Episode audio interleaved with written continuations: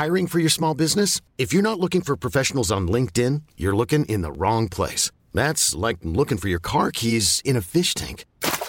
LinkedIn helps you hire professionals you can't find anywhere else, even those who aren't actively searching for a new job but might be open to the perfect role. In a given month, over 70% of LinkedIn users don't even visit other leading job sites. So start looking in the right place. With LinkedIn, you can hire professionals like a professional. Post your free job on linkedin.com slash achieve today.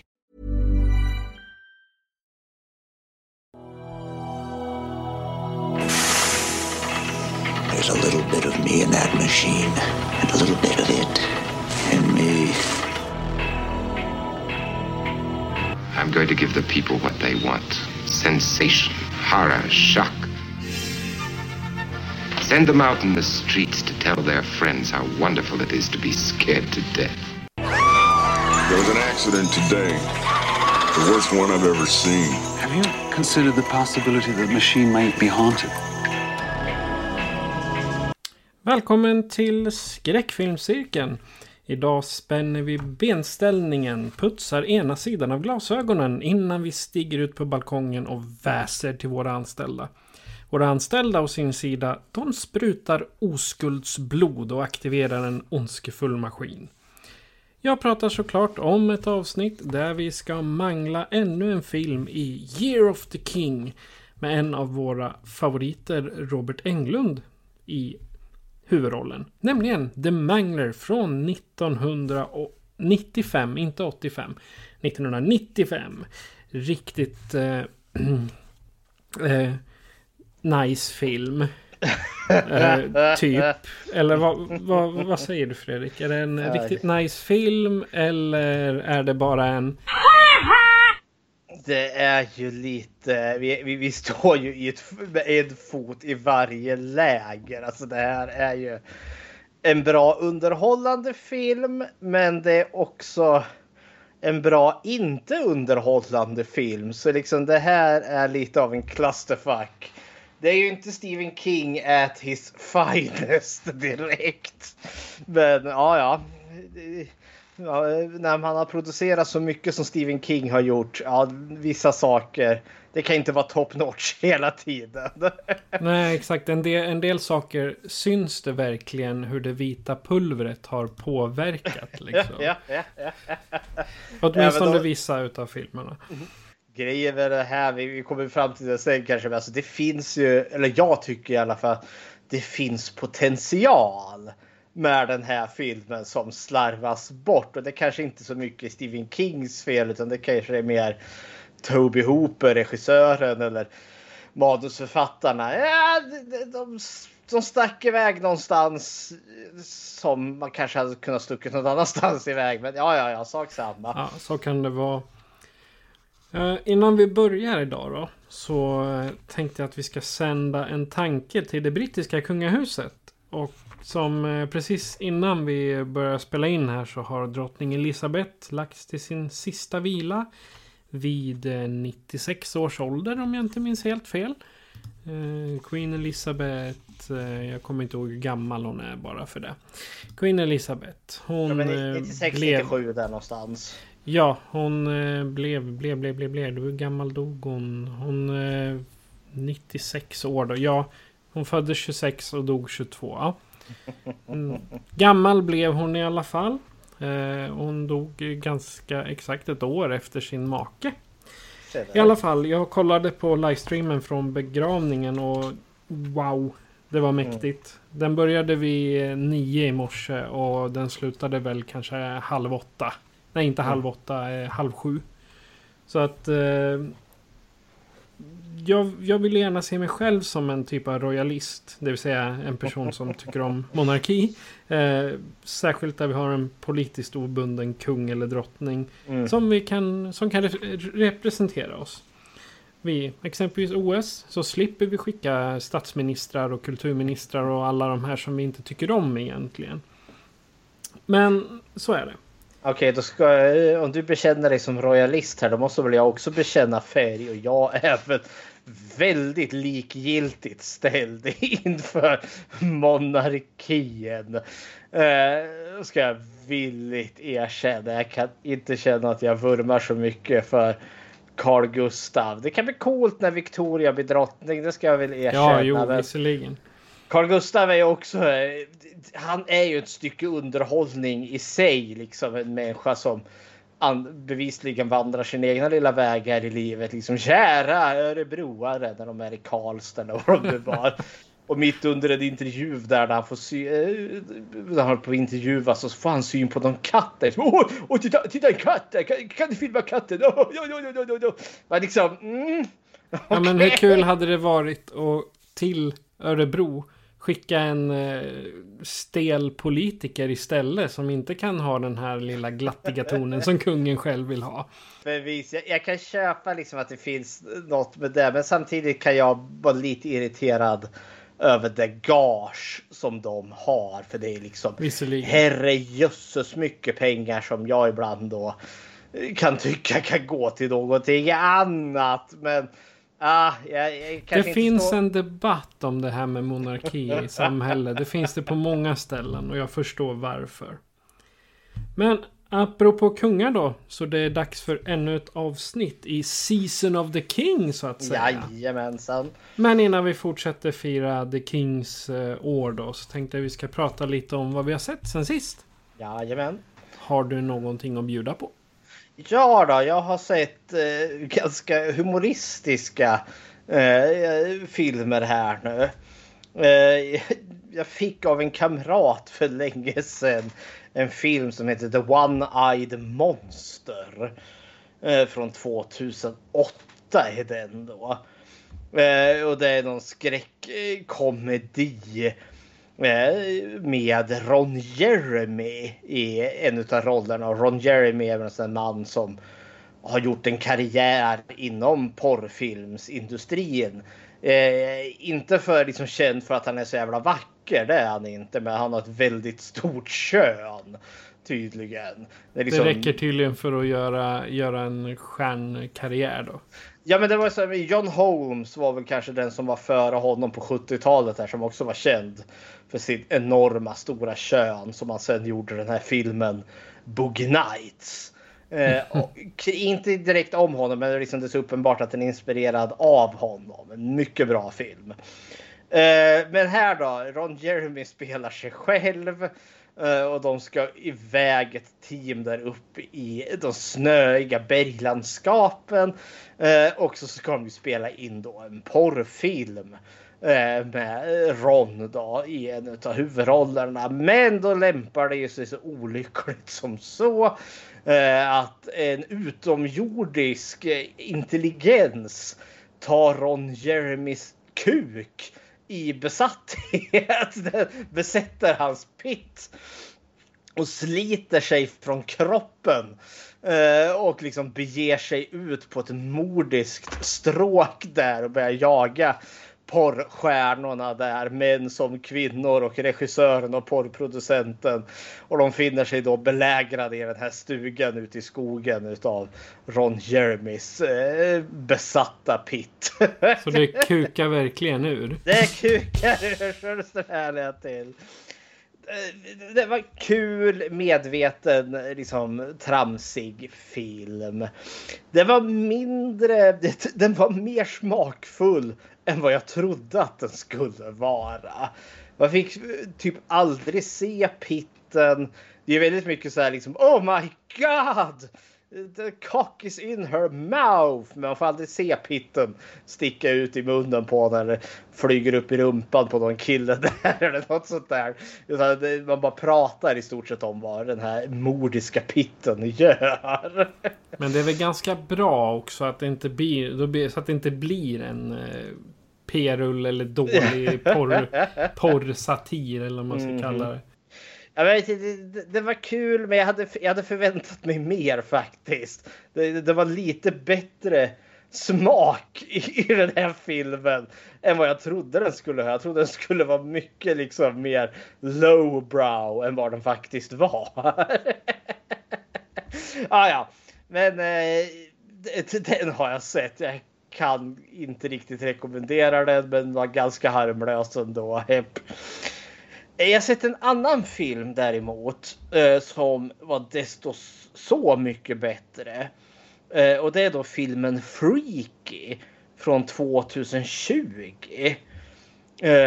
En slasher-komedi. Och den här filmen, mm, den gillade jag. Den, det är ju en spin på den här filmen Freaky Friday. Eh, I, I Freaky Friday så är det ju mor och dotter som byter kropp med varandra tack vare någon magisk artefakt eller vad det nu är. Eh, och i den här då, då är det då en slasher mördare och the final girl som byter kropp med varandra. Eh, och efter att han då har fått fatt i någon magisk dolk. Eh, och det var det, det här var genuint underhållande. Och liksom både liksom hyllar och paroderar slasher-genren. Åh, vad jag tyckte det här var awesome. Och det var också så här rated R, så det fanns, det fanns rejält med gore i den här filmen. Men det var också så här, det var aldrig obehagligt gore, utan det var så här, ja men överdrivet som glada 80-talet. Det är verkligen så här, han, eh, han spetsar någon stackars tjej liksom på, på ett spjut som sticker ut från väggen. Liksom, så att hon bara sitter fastnaglad där. Någon kille tar han livet av med att han Eh, det är överklasskids där så de är ute på tennisbanan och tar en tennisracket, bryter det i två och slår dig i vardera sida huvudet så liksom man har, det ser ut som att man har en tennisracket liksom, stickandes ut rakt genom skallen där. Ja, ah, kära nån. Nej, men jag gillar Freak jättemycket och den. Ja, men det både liksom modernisera lite för den var väldigt queer positiv. Ja, det är eh, liksom en gay karaktär där som var då tjejens bästa vän och den spann ju också på det här för tjejen som nu hamnar i slashens kropp. Hon byter ju kön där så att säga. Men hon har ju ett kärleksintresse, en ung kille där. Och det blir ju liksom awkward när liksom de ska komma till varandra. Men de får ju liksom en väldigt intim liten scen där de blir nära varandra. Inte liksom att de har sex med varandra, men de får liksom en, en öm scen. Och i, i en annan film då hade man liksom spunnit på det där. Ew! Det är två män som kysser varandra. Eh. Men det gör man inte riktigt med den här utan man spelar verkligen på liksom att det är hon i hans kropp. Eh, och den andra killen, kärleksintresset där verkar inte ha något större problem med det. Alltså det. På det sättet så var det förvånansvärt liksom progressiv. Och samtidigt eh, har du också en mördare som kör upp en motorsåg i skrevet på en våldtäktsman så att blodet sprutar. ja, det var fantastiskt. Så Freaky, den kan jag verkligen rekommendera. Det är vad jag har sett. Ja, eh, jag kom av någon anledning i eh, kontakt med en film som på svenska heter Ruva. Eller eh, engelska titeln The Hatch, Hatching. Och det är en finsk skräckfilm. Som eh, handlar om en... Eh, den, är, den är väldigt ny. Eh, ska jag säga. Den är från i år redan. Så jag fick ju se den väldigt tidigt. Eh, det handlar om en ung eh, gymnast. En, en tjej som eh, har en väldigt krävande mamma. Hon så är hon ute och springer i skogen och hittar ett ägg. Mm. Ett eh, konstigt ägg som hon gömmer och håller varmt. Och självklart då så kläcks ju det här ägget. Det vill säga hatch. Och vad som kommer fram det chockar de andra, alla. Och det här var en mörk oh. jäkla film. Och jag säger det, vi, vi, vi satt och pratade om den efter att den var slut. Och vi konstaterade att hela filmen var jag, jag, jag fick Ginger Snaps-vibbar av den här. Oh. Men det här är alltså en eh, Siri Solalina som spelar huvudrollen. Hon är ju typ 12-13 år. Och är gymnast. Och mamman tycker att... Eh, du kanske känner till henne? Sof Sofia Heikele. Nej, det ringer ingen klocka är jag rädd. Nej, nej i alla fall det, det är mamman. Eh, hon eh, ställer jättehårda krav på sin dotter. Dottern ska vara bäst i gymnastik, hon ska vinna priser och hon måste träna jättemycket. Och när hon misslyckas då blir mamman arg. Så att det är typ som en gymnastikvariant av fotbollsfarsa. Ja, ja, ja. Så är det, ja. Och då så genom hela filmen så speglar det liksom hur hon drabbas av sin eh, mammas eh, nedlåtande kommentarer och hur hon pressar. Jag ska inte spoila hela. Men där vi kom fram till efter är att den här är verkligen den illustrerar verkligen en nedgång i eh, ätstörningar. Oh. Eller till en extrem psykisk ohälsa. Men det var väldigt mycket det här med att man blir extremt eh, deprimerad. Att man kan komma ner i, eller ja, ett missbruk kom vi fram till också. Men eh, Hatching eller eh, Ruva som det är på svenska. Den har inte kommit ut i Sverige ännu. Utan jag hade turen att se den på en finsk streaming. Mm. Så, eh, ja jag säger det. Den, den ska man se när den kommer till Sverige. Den ger mig hopp. Alltså den här, jag missade, den gick på bio Ja. här i Sverige, men jag missade den. Eh, Eller den gick inte här i Eskilstuna utan man var tvungen att fara till Stockholm. Och Det hade jag varken tid eller ork och möjlighet till. Men Den gick inte så länge heller. Nej. Eh, Men oh, alltså jag hoppas, i Norge där har vi ju liksom skräckfilm så det, de, i Nor- i Norge kan man lita på. De kan de. De producerar mycket och eh, bra skräckfilm. Nu har Finland producerat någonting väldigt trevligt som har fått lite internationell uppmärksamhet också. Ja. Eh, här i Sverige, vi hade ju den här andra sidan. Det var väl det största, eller, ja, det, det, det största och närmsta vi har gjort än så länge. Ja, Eh. den här, vad heter den med... eh, Ja. Vampyrfilmen. Ja, låt den rätte komma in. Men Ja, den är ändå precis. så... Den finns ju amerikansk remake också. Ja, men den är ändå så gjord typ 2008. Så det är ju liksom Ja, är ett bra sant. tag sen sist. Så jag är ju en sån där, jag bara håller mina tummar. Att liksom att svensk filmindustri också ska börja anamma, liksom börja göra skräckfilm. Men jag, jag är skeptisk att det kommer hända. För svensk film, alltså man, man satsar i regel på säkra kort för man måste få investeringarna tillbaka och då blir det liksom Sune eller Beck del 141. Eh, Gunvald skriker igen liksom. Nej men alltså eh, ja. Och jag ska väl inte klaga så herregud. Beck och Kurt Wallander eller Johan Falk och allt vad fan det nu är. Eh, det är liksom, man kan ju tycka samma skit om och om igen. Men kommer någon liksom och bara, ja men här, alltså, som du i oktober här snart. Den 13 Halloween-filmen kommer, Halloween Ends. och jag kommer ju pliktskyldigt gå in och titta på den på bion. Liksom med ett litet glatt stepp i stegen där. Se Ja, Michael det- Myers vifta med kniven igen. Vi, vi saknar Michael Myers och Ja. hans kniv. Så jag känner jag har inte riktigt rätten att klanka ner på Beck och Kurt Wallander och alla. Nej, nej, nej.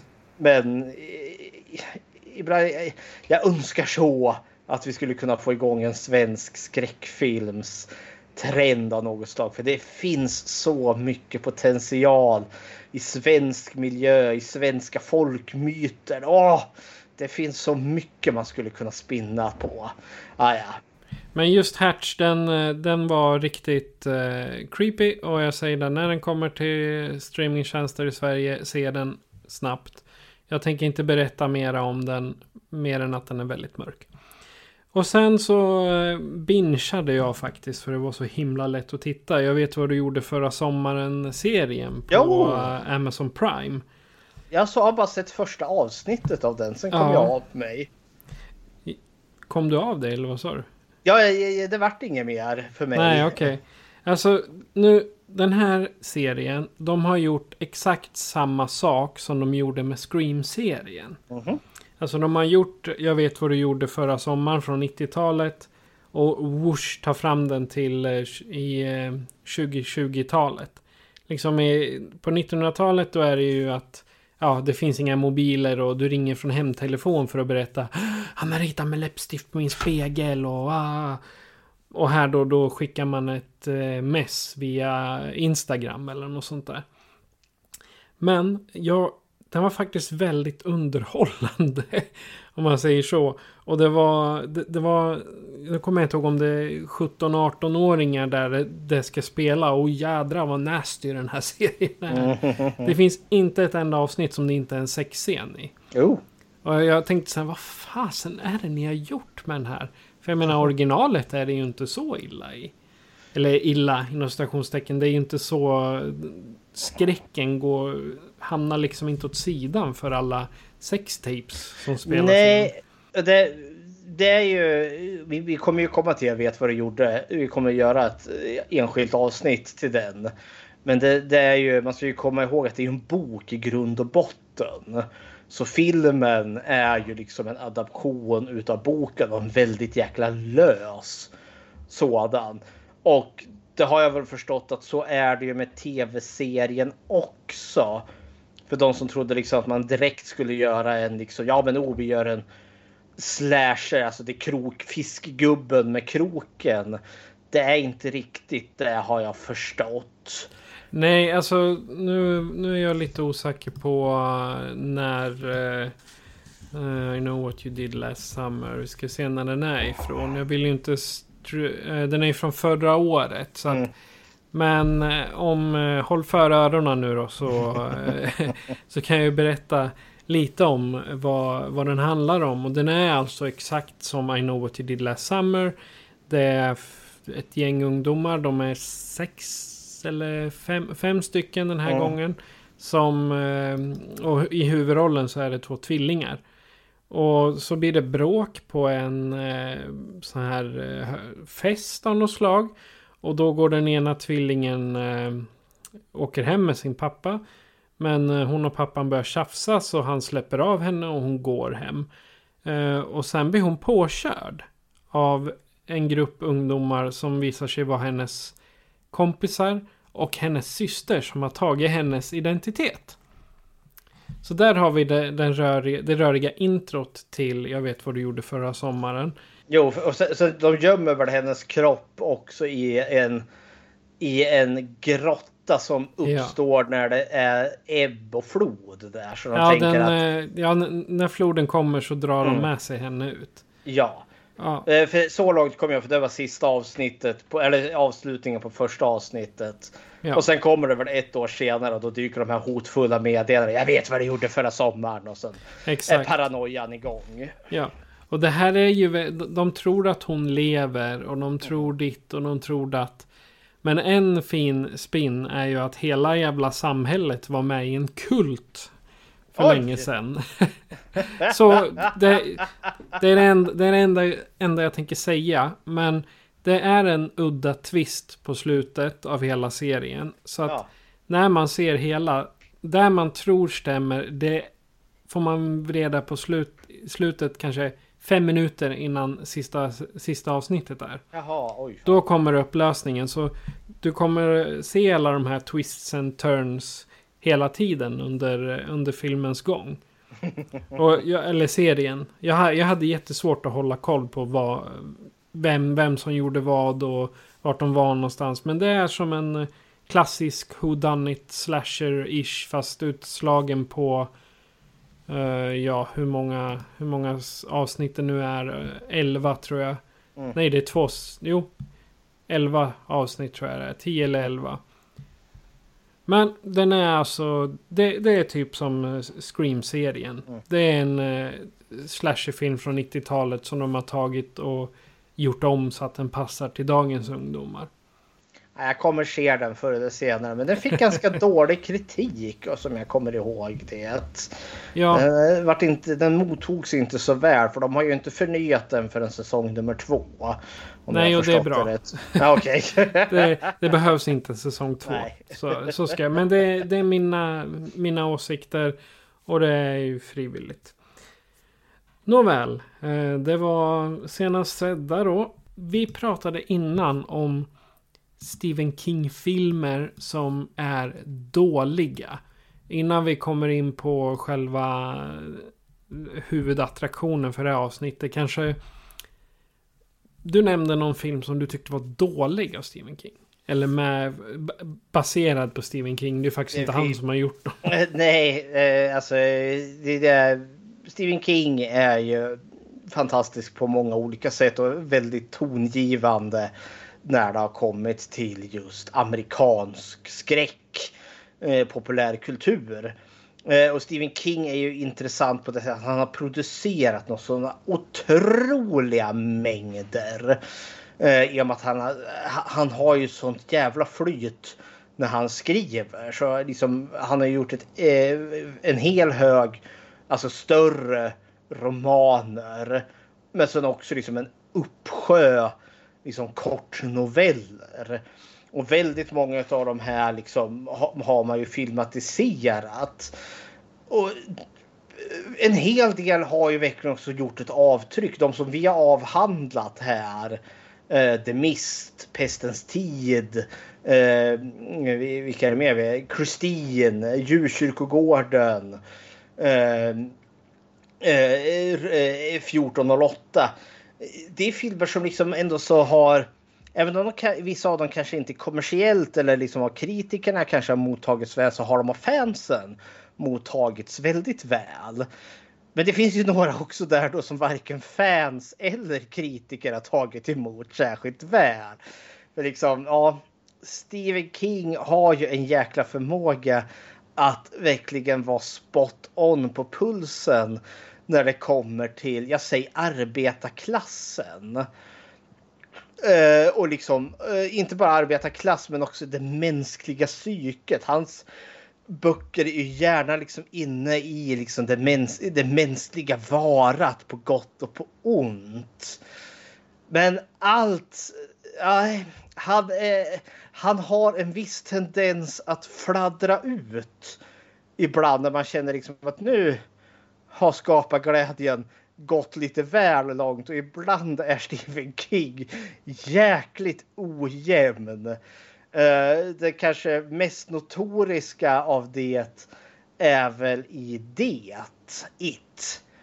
Eh, när man läser boken så kommer man ju till ett stycke där det jag tror samtliga ögonbryn liksom bara höjs. Liksom. Vad i himmelens namn?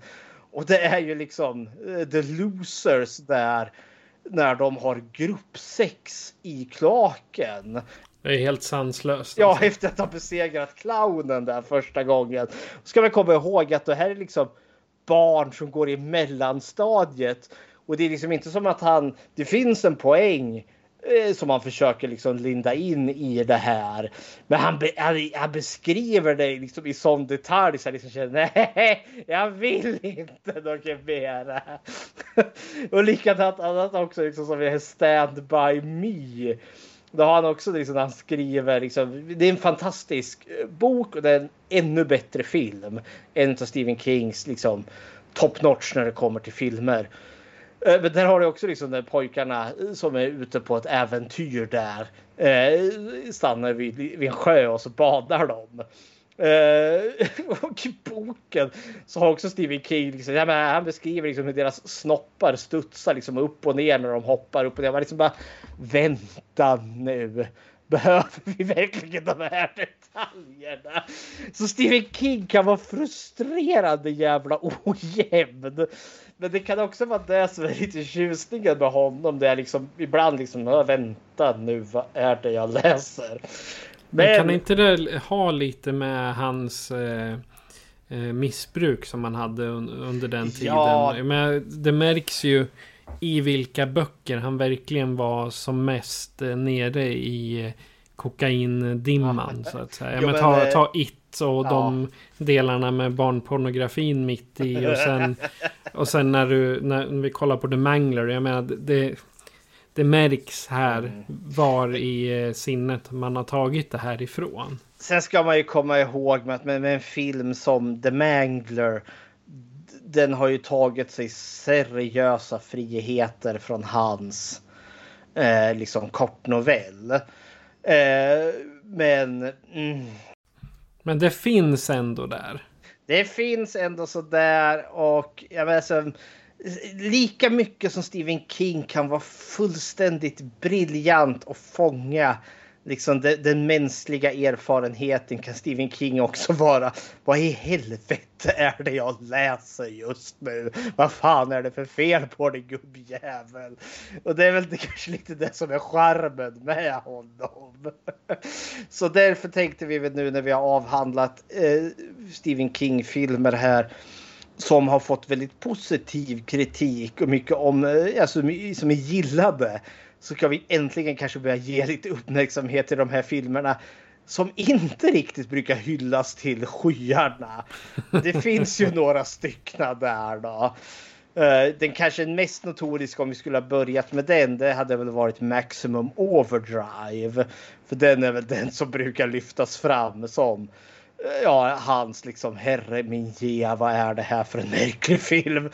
Men eh, och Linda från Film till fikat hade ju blivit själaglad. Men de, det är inte allt för länge sedan Film till fikat gjorde den filmen så vi tänker att vi, vi, vi är inte för tät, tätt in på dem. Så då vi börjar med en annan, The Mangler. Så då har vi ju ändå sån återkoppling till både Stephen King och Toby Hooper, Motorsågsmassakern, som vi har eh, avhandlat här. Så ja, Stephen King du. Ja, ditt briljanta fanskap. som lyckas underhålla även när det inte är så underhållande. Ja, kära värld. Jag har ju en, eh, jag hittade faktiskt en lista på IMDB där man, man ser eh, eh det, jag tror det är typ, jag tror det är alla filmer baserade på Stephen King och så ser man eh, och där, där ser man ju också vilken eh, poäng de har. Ja, det... Så din... Om, om vi, vi kan ju välja varsin som vi tycker är sämst. I, eller sämst. Det behöver inte... Av lägst kvalitet kan vi säga. Jag tycker mm. alla är bra, men av lägst kvalitet. Och, då ska man, och det här som blir lurigt nu. Uh, med Stephen King så alltså när det är... Uh, The Mangler, den är lite mer... Alltså, den, den är jävligt cheesy. Så visst, den är dålig, men den är fortfarande underhållande. Uh, jag sitter och funderar, finns det någon som verkligen är så här? Nej usch, det här vill jag nog aldrig se igen. Jo, men det gör det nog. Uh, jag tänker nog dra till med den här filmen In the tall grass som är på Netflix. För den tyckte jag var, och det här var krystat värre. Och någon jävla märklig tidsloop i någon gigantiskt gräsfält där det fanns någon sten som ramlat ner från rymden som hade Lovecraftianska eh, Eldridge horror effekter och det var liksom vart du mördad här så återuppstod du bara för att bli mördad igen. Så du kunde blivit mördad 25 gånger i samma i samma jävla labyrint här och jag tyckte den här slog knut på sig själv för att liksom, åh, vi är så intellektuella, det är så smart, vi tänker i fyrdimensionell schack. Och jag kände mest jada, bara, nej. Jada, jada. Ja, jag kände mest på att det här är bara krångligt och jag är inte investerad. Det finns någon stenjävel i en gräsåker som är dum. Jag bryr mig inte, det här är dumt. Jag tycker inte det här är underhållande. Okej, okay, om, du, om du gissar på IMDB-ratingen då, utan att titta. På In the Tall Grass? Ja. Oj, jag chansar ändå så på den 4,7 eller något sånt där. Ja, du får lägga på 8 där. 4,8? 5,4. Jaha, 5,4. Det var inte så långt du var, ifrån. Du var inte långt ifrån. Nej, nej. Har du då någon uh, stinkare när det kommer till Stephen King? Alltså, ja, den här har ju, är ju väldigt hyllad. Den eh, jag tänker på. Aha. Och det är ju Doktor Sömn. Ja, ja, ja. För jag läste, jag läste ju nämligen den boken innan jag såg filmen. Mm. Och jag tyckte filmen var så extremt eh, nerskalad. Ja, ja, ja. Eh, tyvärr. Och... För ja, om man, de, Dr. Sömn och eh, behöver man nästan se The Shining först för att Mm. förstå vad som händer.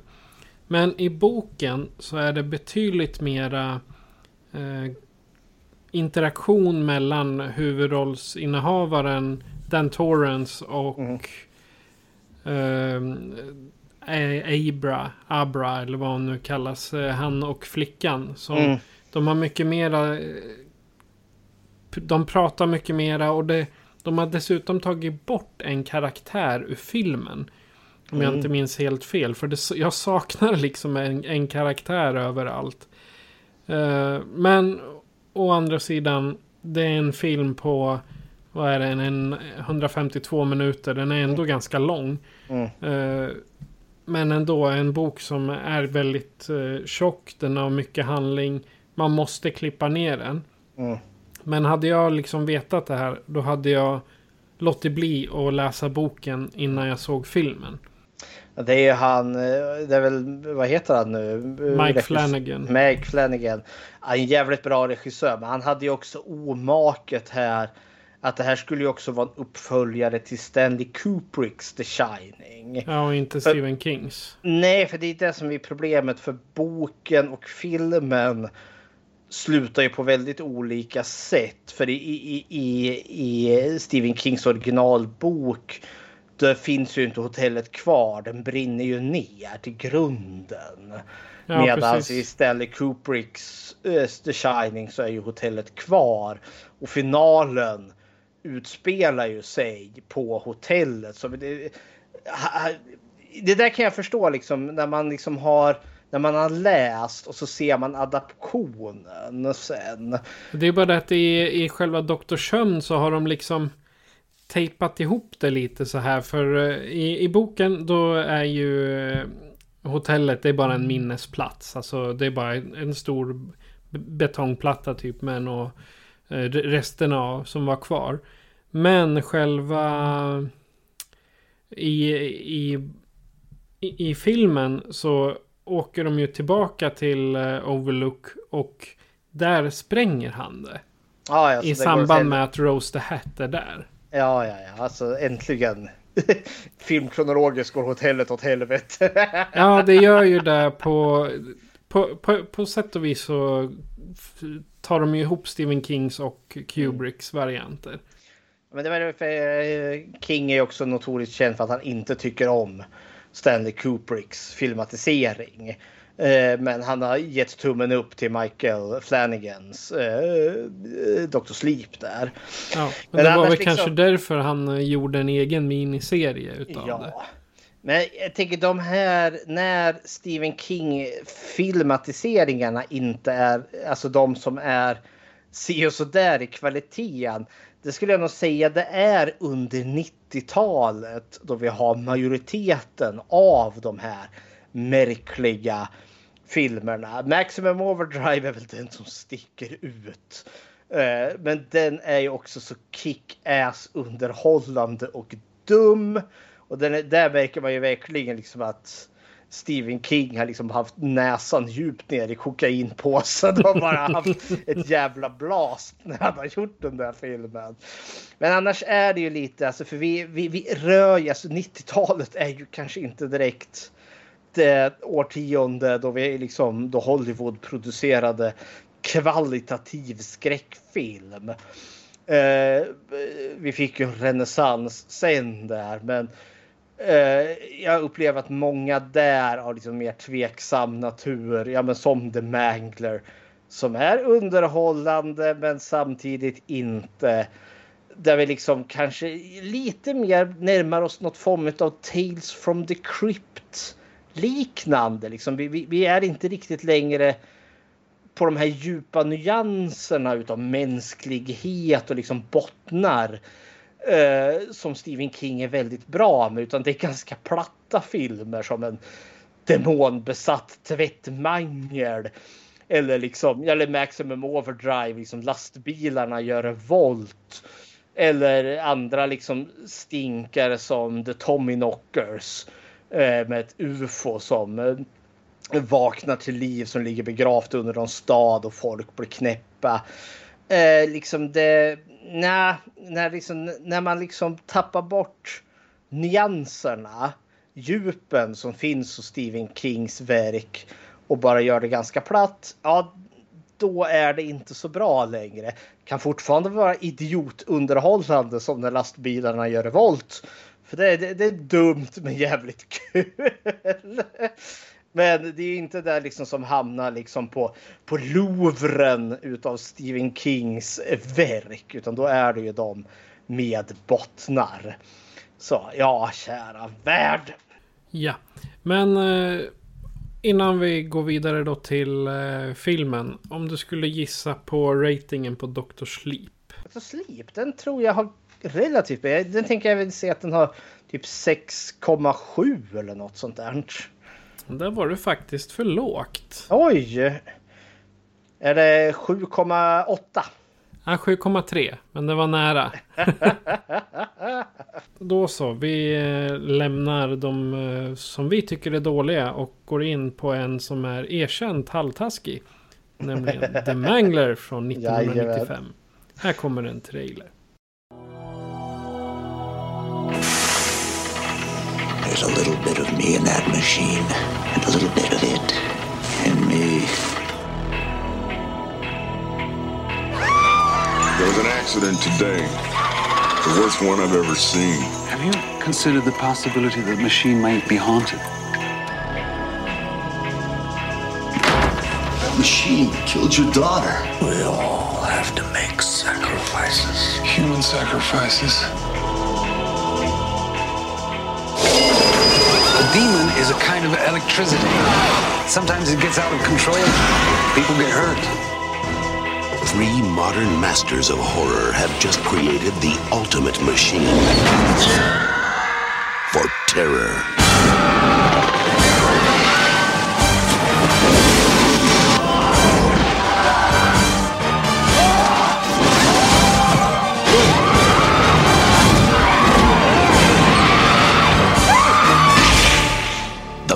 Mangler.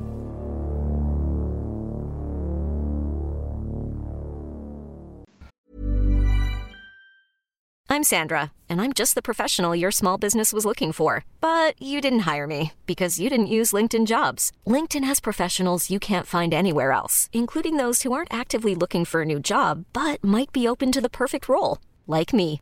In a given month, over 70% of LinkedIn users don't visit other leading job sites. So if you're not looking on LinkedIn, you'll miss out on great candidates like Sandra. Start hiring professionals like a professional. Post your free job on linkedin.com/achieve today. Hold up. What was that? Boring. No flavor. That was as bad as those leftovers you ate all week. Kiki Palmer here, and it's time to say hello to something fresh and guilt-free. Hello Fresh. Jazz up dinner with pecan-crusted chicken or garlic butter shrimp scampi. Now that's music to my mouth. Hello Fresh. Let's get this dinner party started. Discover all the delicious possibilities at hellofresh.com. En enorm gammal klädpress blir besatt av en demon från helvetet och löper amok. Det är en novell av Stephen King. Och en alternativ titel till den här som var svensk var Maskinen, ska jag säga.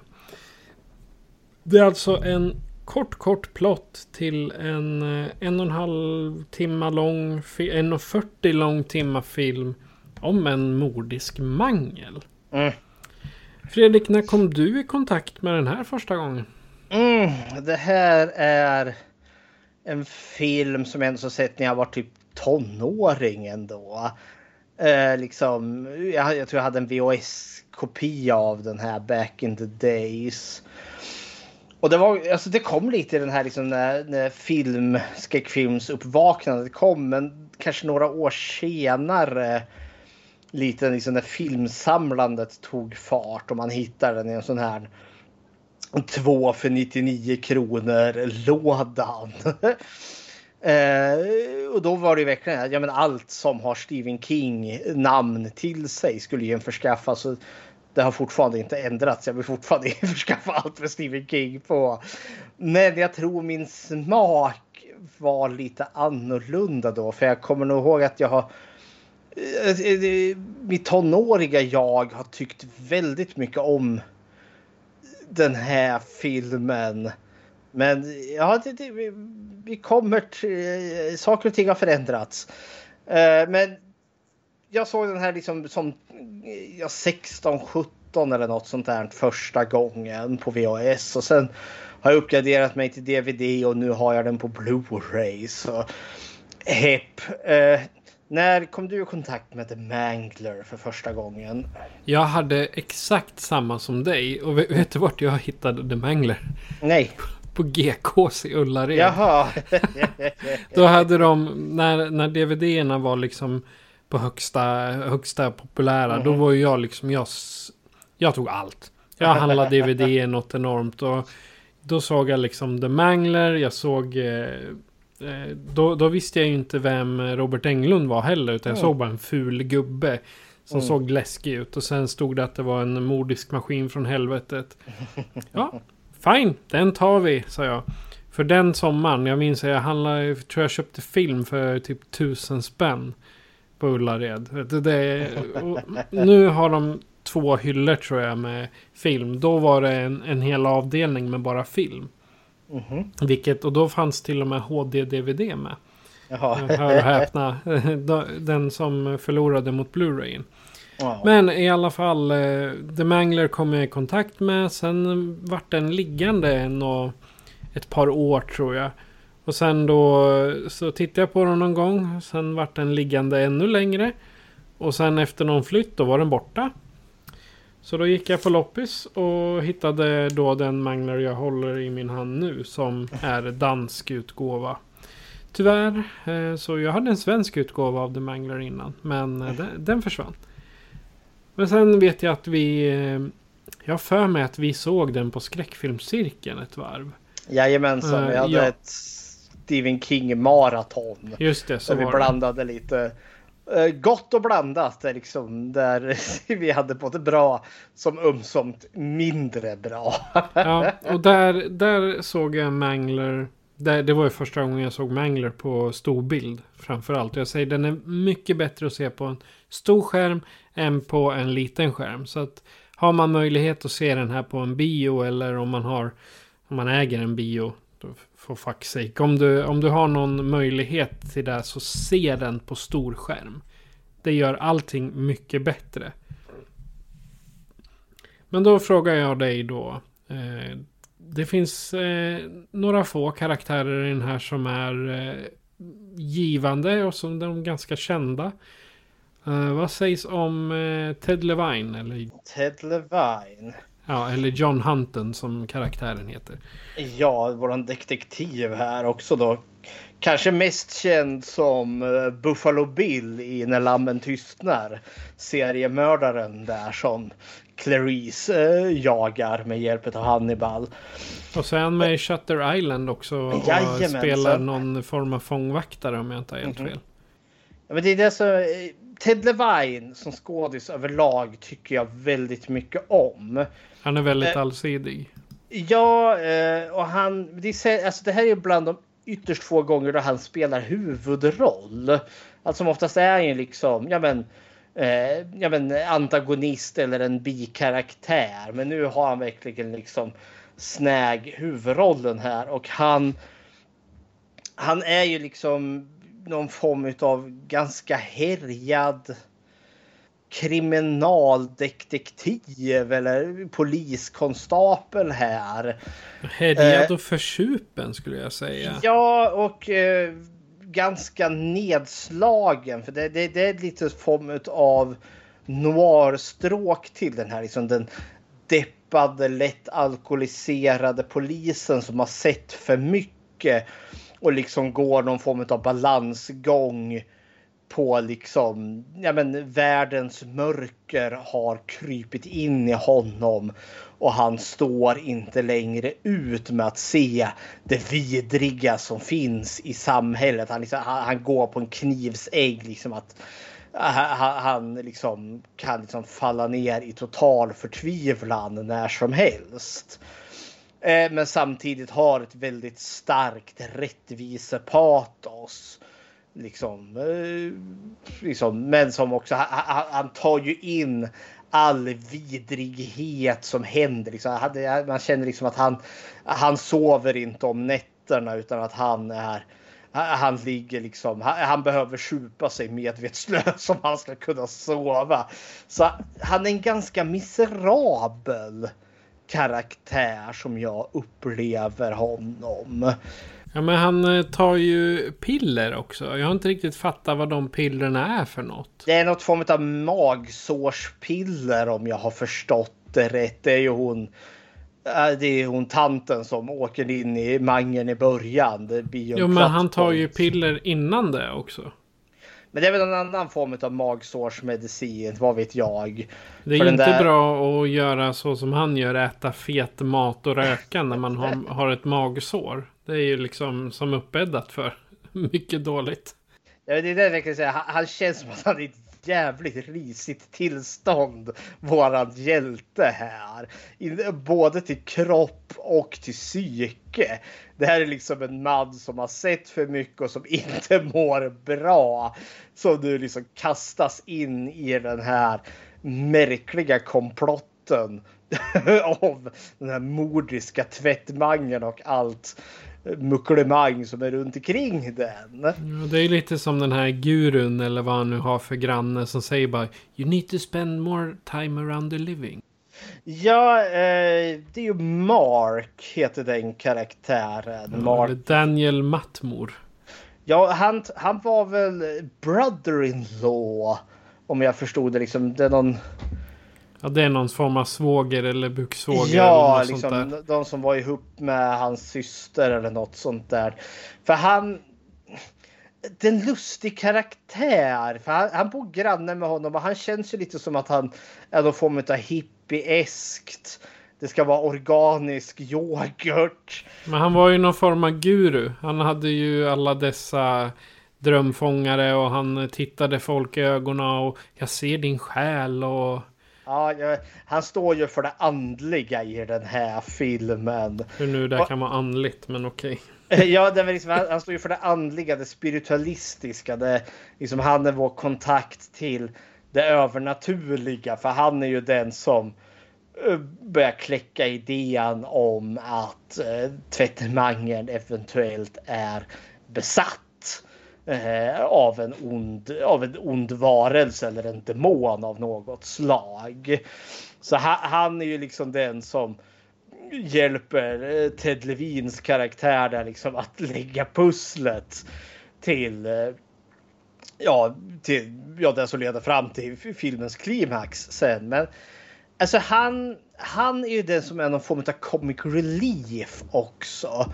För den här filmen är jäkligt downbeat. Det har liksom en ganska liksom en ton utav uh, liksom, vi är väldigt liksom vi lägger oss liksom på, på en nivå av att ja men det här är miserabelt. Vi har ångest, vi har förtvivlan och vi har död. det är liksom så här, ja okej. Okay. Hur du än gör så är allting skit. Ja men det är lite så. Eh, och det är, jag kommer komma till det sen, liksom, det som kanske är ett av de stora problemen med den här filmen. Det är tonen den har. Men han är ju lite av the comic relief. För han liksom, han har liksom eh, tummen mitt i näven. Eller liksom han, eh, han uttrycker sig liksom ibland på de mest klumpigaste sätten. Liksom den här tjejen som eller, eh, liksom, eh, han vill få reda på om hon är oskuld eller inte. För liksom att Eh, utifrån, så att, för det kan vara något bevis på att demo, de, mangen är eh, demonbesatt. Liksom bara blurtar ut det. Det är oskuld! Liksom bara, nej! Nej men eh, han är väl lite av en frisk fläkt. men han är också... Mm, han blir lite av liksom... Eh, han är den som levererar liksom ledtrådarna till det övernaturliga i den här filmen. Men det här är också ett problem för filmen. Eh, alltså jag har ju redan förstått. Eh, alltså vad det överna, alltså förklaringen till det övernaturliga i filmen. Så när han ändå liksom väl presenterar det, då presenterar han något som jag redan vet. Så det blir lite så här, okej, okej, men det här vet jag redan. Och det här som är ett av problemen med den här filmen tycker jag att den den presenterar, den bygger inte upp sin handling på ett vettigt sätt utan snarare liksom här, oh, det, det här, det, tvättmangen är besatt av en demon. Ja, det vet vi. Men nu ska vi följa de här karaktärerna i deras undersökning om tvättmangen är besatt av en demon eller inte. Ja, men vi vet att tvättmangen är besatt. Och det är en knölig del i den här filmen tycker jag. Ja, tyvärr så är det ju det alltså att vi vet redan svaret men så måste vi följa deras resa till att hitta svaret. Som vi redan ja. vet. Och det, nej, nej, men jag håller, jag håller med dig där att kan ni, kan ni liksom inte komma med något nytt istället? Att mm. ja, men Mangen är hemsökt av eh, demonen Chatalamunka från eh, östra östra Asiens eh, vän, vänstra lilltå. Så, alltså gör det lite svårt för oss så vi kan få använda de få hjärnceller vi har tillgång till. Ja men åtminstone ge oss lite mera för det liksom det här. Bygg upp ett kanske ett mysterium. Är liksom är tvättmangeln besatt eller var det här bara en förfärlig olycka? För vi vi kommer väl till hotet sen. Det finns ju en kult i den här staden som offrar sina barn när de fyller 16 år till tvättmangern. Och liksom spinn om det liksom gör något intressant av det här. Så det, det, jag kan komma där i mina slutord sen också för det, det finns en poäng som jag, alltså som jag tror också Stephen King hade i sin kortnovell som man hade kunnat gjort något intressant med den här filmen av. Men den här filmen använder inte det överhuvudtaget. Nej. Vad har vi? Eh, Picture Man. ja, Jeremy Crutchley. Jag vet, vad, vad är han för något? Ja, men alltså, det här är också en udda... Återigen, tonen. Ja, det är fotografen förstås. Ja, eh, fotografen som är då kriminal fotografen som är där liksom för att fota brottplatser och sådana så saker. Är det, varför, hade inte, varför kunde inte han få ett namn för? Nej, han, heter, han heter JJ Picture Man. Ja, Karaktären men... heter bokstavligen Picture Man. Det är också så här, okej. Okay. För grejen med den här filmen är att den försöker ju förhålla sig att vi ligger på en realistisk nivå. Vi rör oss bland riktiga människor i en riktig vardag med arbetarklass eh, kontra en överklass. Eh, men så får vi de här märkliga karaktärerna som Picture Man som har sin kamera, för det är en sån här gammal liksom, fotoblixtkamera som eh, har så ett jättestort liksom, metalllåda på sig det är där lamporna bokstavligt talat exploderar. Varje ja. fotografi. Och så måste han byta lampa inför nästa foto han tar. Och han är klädd liksom som att ja, men, eh, hade han dykt upp i en film som utspelar sig 1930 fotografera liksom brottsplatsen eh, efter, efter något maffiamord. Ja, men då känns han mer liksom lämplig. Men här vi ska ändå, den här ska ändå utspela sig i sin egen samtid, alltså 95. Så, så Picture Man är en sån där som sticker ut. Inte nödvändigtvis på det bästa sättet. Så återigen så gör den här filmen svår att sätta i sin ton. Karaktären i sig. Alltså han är en äldre man Dock är det en ung man i old man makeup. Uh, och uh, ja, men han. Han är liksom lite bitter. Eller bitter kanske han inte är, men han. Vi kommer ju få reda på det sen. Han är ju döendes i cancer och han dör ju sen av sin sjukdom under filmens lopp. Så han är väl lite, han är väl bitter men inte på det viset. Han är lite mer cynisk ungefär som att ja, men han han har också sett liksom livets, eh, livet från den sämsta sidan precis som eh, eh, Ted Levins karaktär också har gjort. Men han har kanske gått med liksom. Ha, han har liksom mer förlikat sig. Han låter sig liksom inte förtvivla på samma sätt som Ted Levin gör utan han liksom mest konstaterar att ja, men här har vi döda barn. Ja, men jag måste fotografera de döda barnen för det är något jag måste göra. Det är jag liksom... tänker han är liksom en, eh, en filmisk variant av en vanlig brottsplatsundersökare. Ja, eh, ibland har man ju sett, vi nämnde ju Beck-filmerna förut när man brukar se liksom obducenten som också har liksom en kanske lite kall inställning till döden. Ungefär så är väl han fast då eh, som då eh, fotograf istället. Jag tänker att det, är, det som han beter sig så är det lite som när en, en sjukvårdare eller djursjukvårdare kommer till jobbet och det kommer in någon med en, eh, säg en döende släkting. Man stänger av. Men sen så kommer din döende släkting in. Då flödar tårarna. Jag kan tänka mig att det är lite så han gör här. Han stänger liksom av sin eh, personlighet och drar igång sin arbetsmaskin istället. Ja, och han är ju den karaktären som Ted Levin, vår detektiv där, har mest eller haft någon äldst relation till. För det känns liksom som att när de två är tillsammans så kan han slappna av på något vis och vänster. De, har liksom, de delar det här mörkret som finns. Men de gör inget med det här. Alltså jag känner att det hade kunnat vara liksom någon form av alltså far-son relation ungefär som att Picture Man kan vara någon form av mentor i form av att han är äldre och sen då liksom kanske göra den någon motpol till den äldre onde mannen som Robert Englund spelar sen. Liksom att, ja, eller liksom att de har något med hans död att göra så att det liksom blir mer personligt för Ted Levin att ge sig an tvätteriet där i slutet. Men det är att jag, jag tycker ju att eh, liksom, det filmen har emot sig är att de sätter Ted Levin som mordutredare. Och sen att han ska åka och utreda en olycka på en arbetsplats.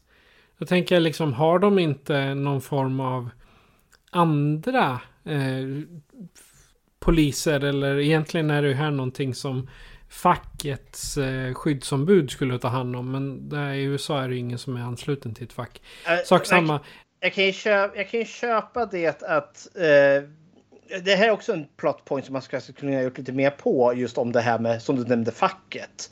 Nej, men jag kan ju köpa liksom att uh, han måste ändå vara där för att utreda. Liksom, finns det eh, vad heter det? Criminal ne neglect, alltså liksom. Mord, mord, alltså att man har eh, tänkt mörda henne. Nej, men alltså att de, att de har haft nästan alltså eh, försummelse eller vad heter det? Kriminell försummelse, alltså att de har så dåliga säkerhetsrutiner att den här olyckan eh, som skedde då liksom är då eh, liksom de har haft så dåliga rutiner så att det faktiskt är ett brott att de har, eh, har så dålig säkerhet kring den här förfärliga tvättmangeln. Ja, men han är ju mordutredare. Jag vet inte riktigt om det är det första jag skulle skicka på en sån grej. Nej, det är också liksom... Skickar man kriminalkommissarie Martin Beck eller Kurt Wallander när det sker en olycka på, på Volvo eh, vid, vid, vid, löpbandet där. Nej, det känns orimligt. Gör man det om någon har slagit ihjäl någon med en skiftnyckel? Ja, då, då, känns då, det mer rimligt. då, då kan man skicka. Men då är ju frågan här. Hon började ju blöda jättemycket innan. Fast han är fortfarande mord, mordutredare. Och äh, den, där har vi en liten plot, plot hole, eller vad man ska säga. De skickar, men sen, sen kommer jag till en annan sak att USA har ju inte direkt den bästa ekonomin vad gäller till polisen och så ute på landsbygden. Så mm. frågan är om de skickar honom för att de helt enkelt inte har någon annan. Ja, men det, det, är också det här som är det, återigen med tonen som är så märklig med den här filmen. För han, som, som dels hur karaktären ser ut, alltså med hans kostym, alltså hans kläder och hur han är spelad. Han känns liksom som den här dekiga polisen i en storstad. Alltså att han hör hemma i New York eller i Chicago eller San Francisco. Det är liksom eh, den tonen. Han känns verkligen inte som eh, ja, men, en, en småstad där liksom alla då liksom kretsar kring det här gigantiska tvätteriet som är den stora arbetsgivaren. Men resten är liksom ute på vischan. Så han, han känns också malplacerad. Eller karaktären känns malplacerad i miljön som vi befinner oss i. Så det, ja. Kära värld. Likadant som då Picture Man som också känns som att han, han hör hemma liksom på 30-talet. Men sen kan det också vara, det är hans stil. Jag tänker Ja. som i, ja men ta, bara för att dra ett exempel eh, i eh, American Pie, han rastskitaren. Eh, han, han klär sig ju i tweed och liksom klär sig Ja. som om han skulle gå på Harvard på 60-talet. Ja, men det är, Det är hans ju- stil. Där har du ju en komedi där har du liksom, där ska du ju ha quirkiga och konstiga karaktärer. Det här ska liksom ändå vara liksom en, en skräckfilm som utspelar sig i, i sin samtid alla 90, 95 där. Eh, men estetiken är märkligt liksom i osynk med, med sin egen tid. Hade man förlagt den här, säg att hela filmen hade varit utspelat sig 1930.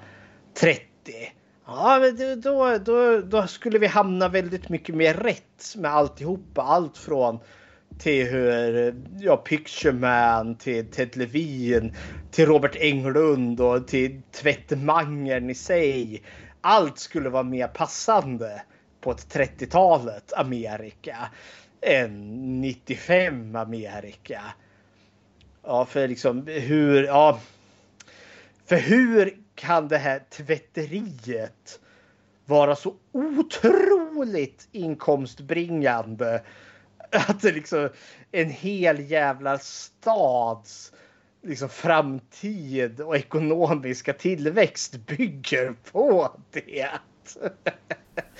Men ja, ja, det, det kommer väl till hotet sen för det här är ju något övernaturligt med den där jävla tvättmangeln. Ja. Eh, vad, vad är det han heter, förmannen där? Som bara står och skriker på alla. Stanner, Stanner heter han. Ja, Stanner eller Dimitri Phillips. Han verkar inte ha gjort något annat efter det här. Ja. Han har gjort några små roller men alltså. Jag fattar inte. Han står där uppe och skriker jobba snabbare, jobba snabbare. Det kommer mera tvätt ifrån sjukhuset, jobba snabbare, bla. Men eh, jobbar de snabbare bara för att han står och skriker? Det går inte att göra det snabbare. Ja, men vet du, han är ju piskan. Eh, Ja. Utsänd utav eh, Robert Englunds karaktär Gartley eller vad han nu heter. Bill Gartley. Ja, som eh, piskar på. För det ska gå, det ska gå, snabbt där liksom.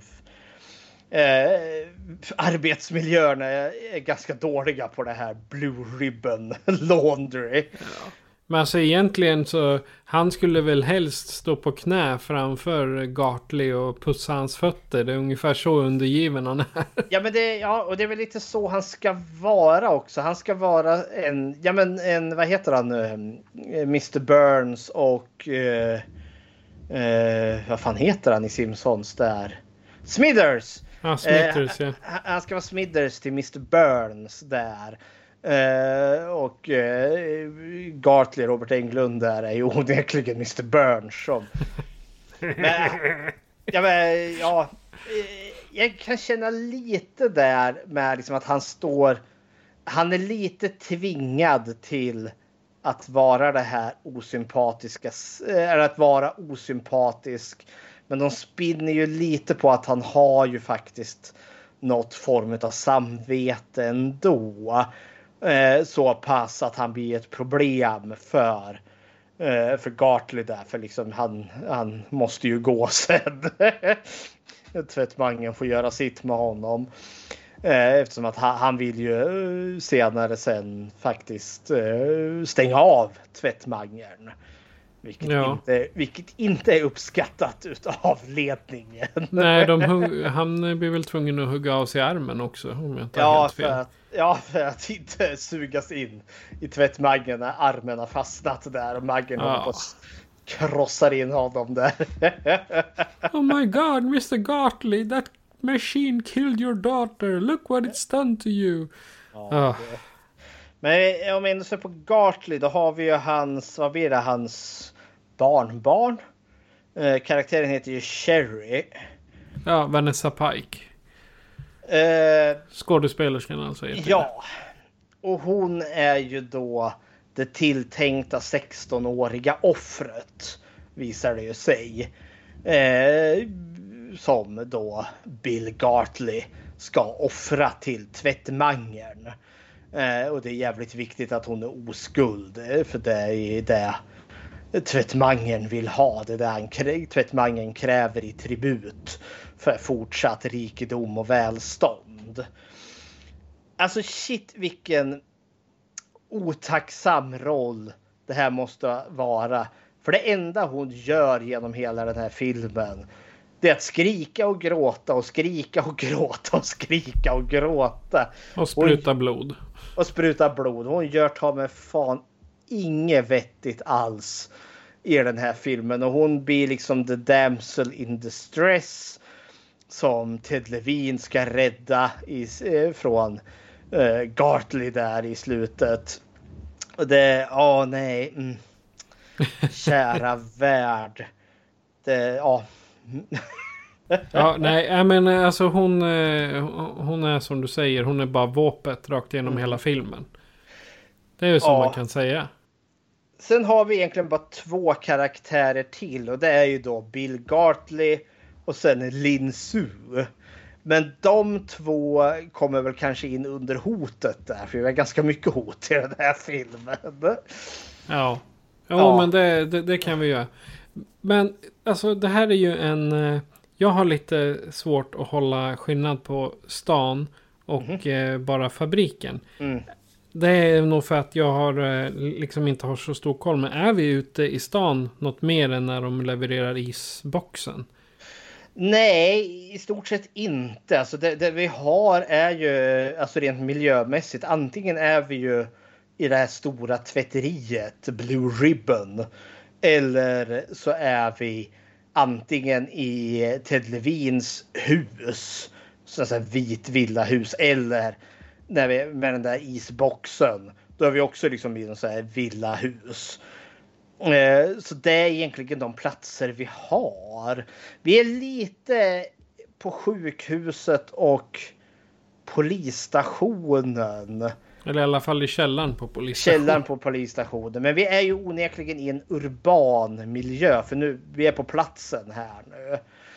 Eh, och platserna som är, det, det är verkligen de som vi upp, radade upp där. Men jag upplever ju att det är en väldigt liksom, vad kan jag kalla det? En tung miljö. Alltså det är tegel. Det är mörkt. Det är betong. Det är grått. Eh, det är varmt, det är fuktigt, svettigt. Eh, när vi är inne i Gartleys kontor slash lägenhet då är det liksom går ju allting i typ mörk ek eller mörkt trä. Så vi är liksom allt är enormt dämpat färgmässigt. Ja, men en fråga här nu. Bor han där? Jag, jag chansar på att Gartley bor där. Han har sitt eh, kon, kontor slash lägenhet där. Eller nej förresten. Dot, eller, eh, barnbarnet, hon, de är ju på någon jätte, hon har ju någon jätteherrgård som de kommer och besöker henne vid. Det lär ju vara hans bostad tänker jag.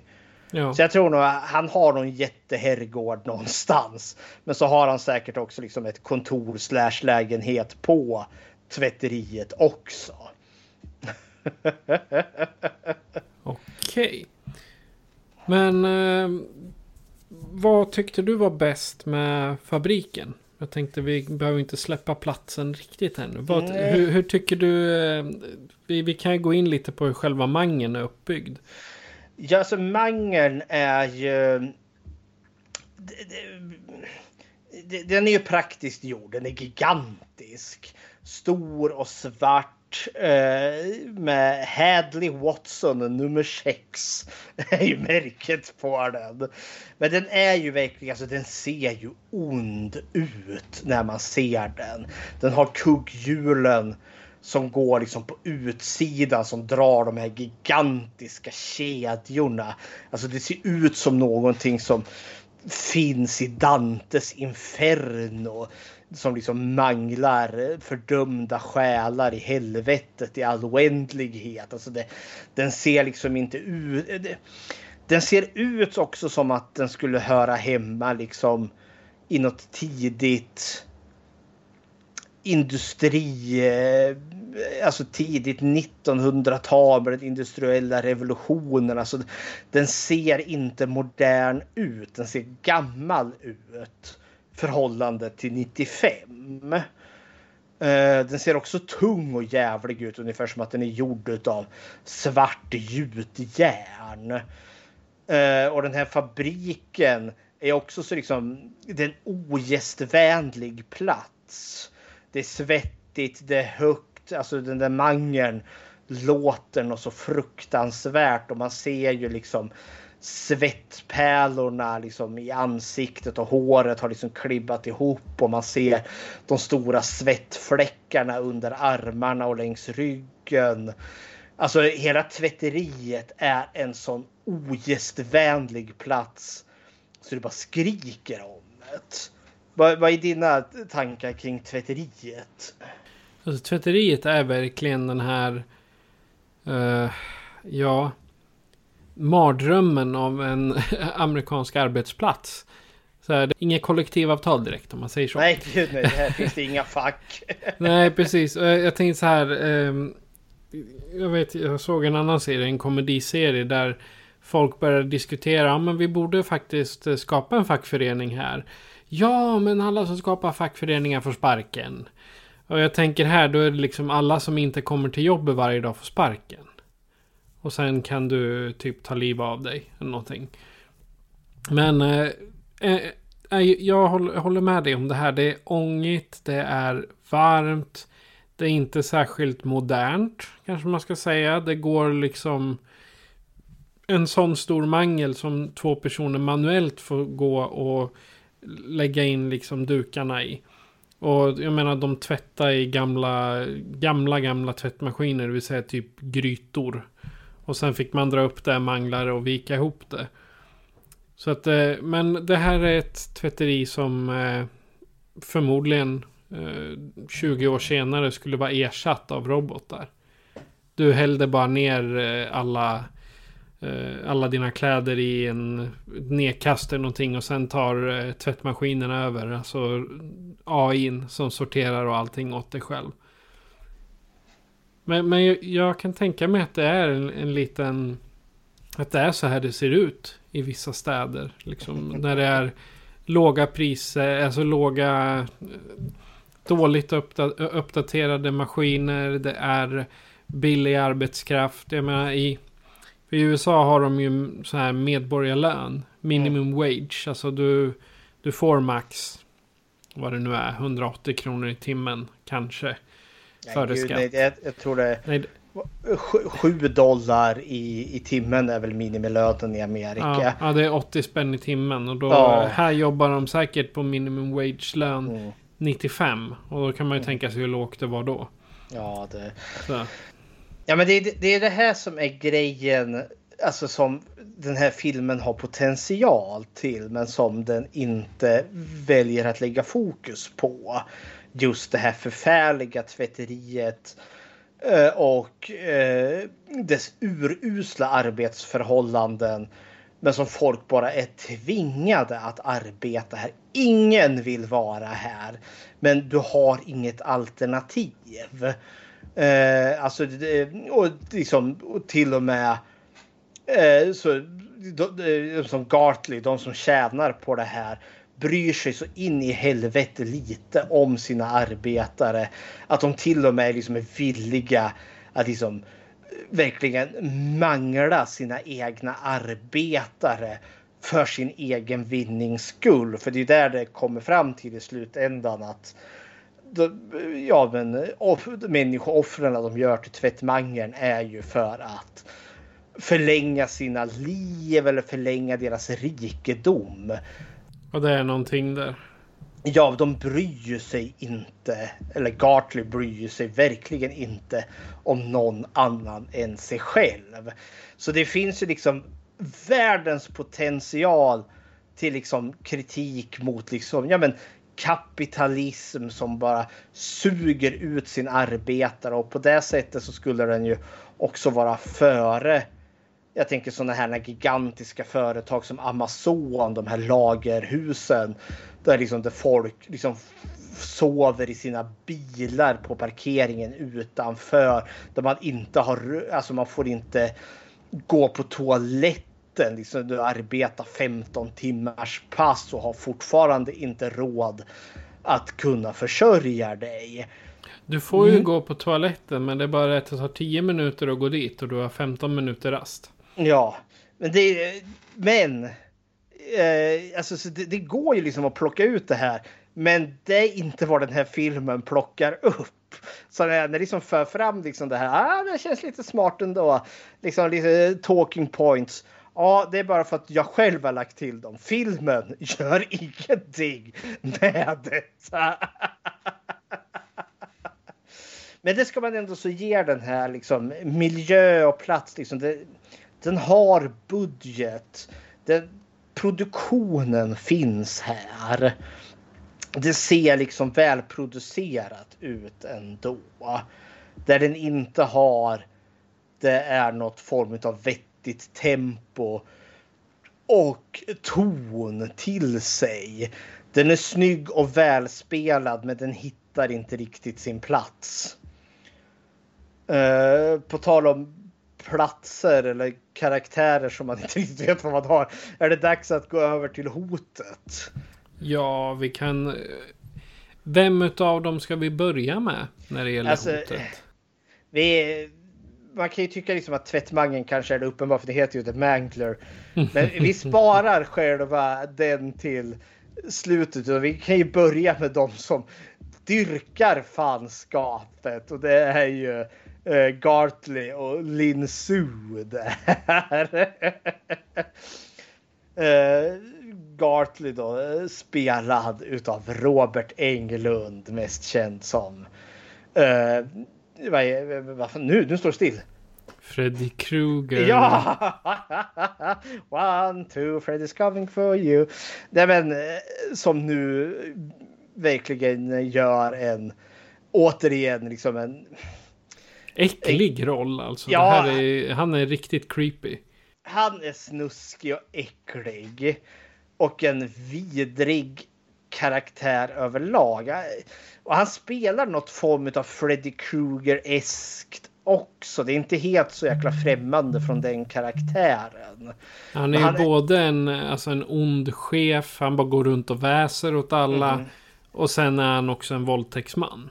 Ja, gud ja. Han förgriper ju sig på Lin Su där i början. Eller ja, i hennes resa. För hon är också lite märklig, stackars Lin Su. Jag känner för eller henne. Lisa Morris. Ja. Det är jag enda filmen hon har gjort kanske. Jaha, se där.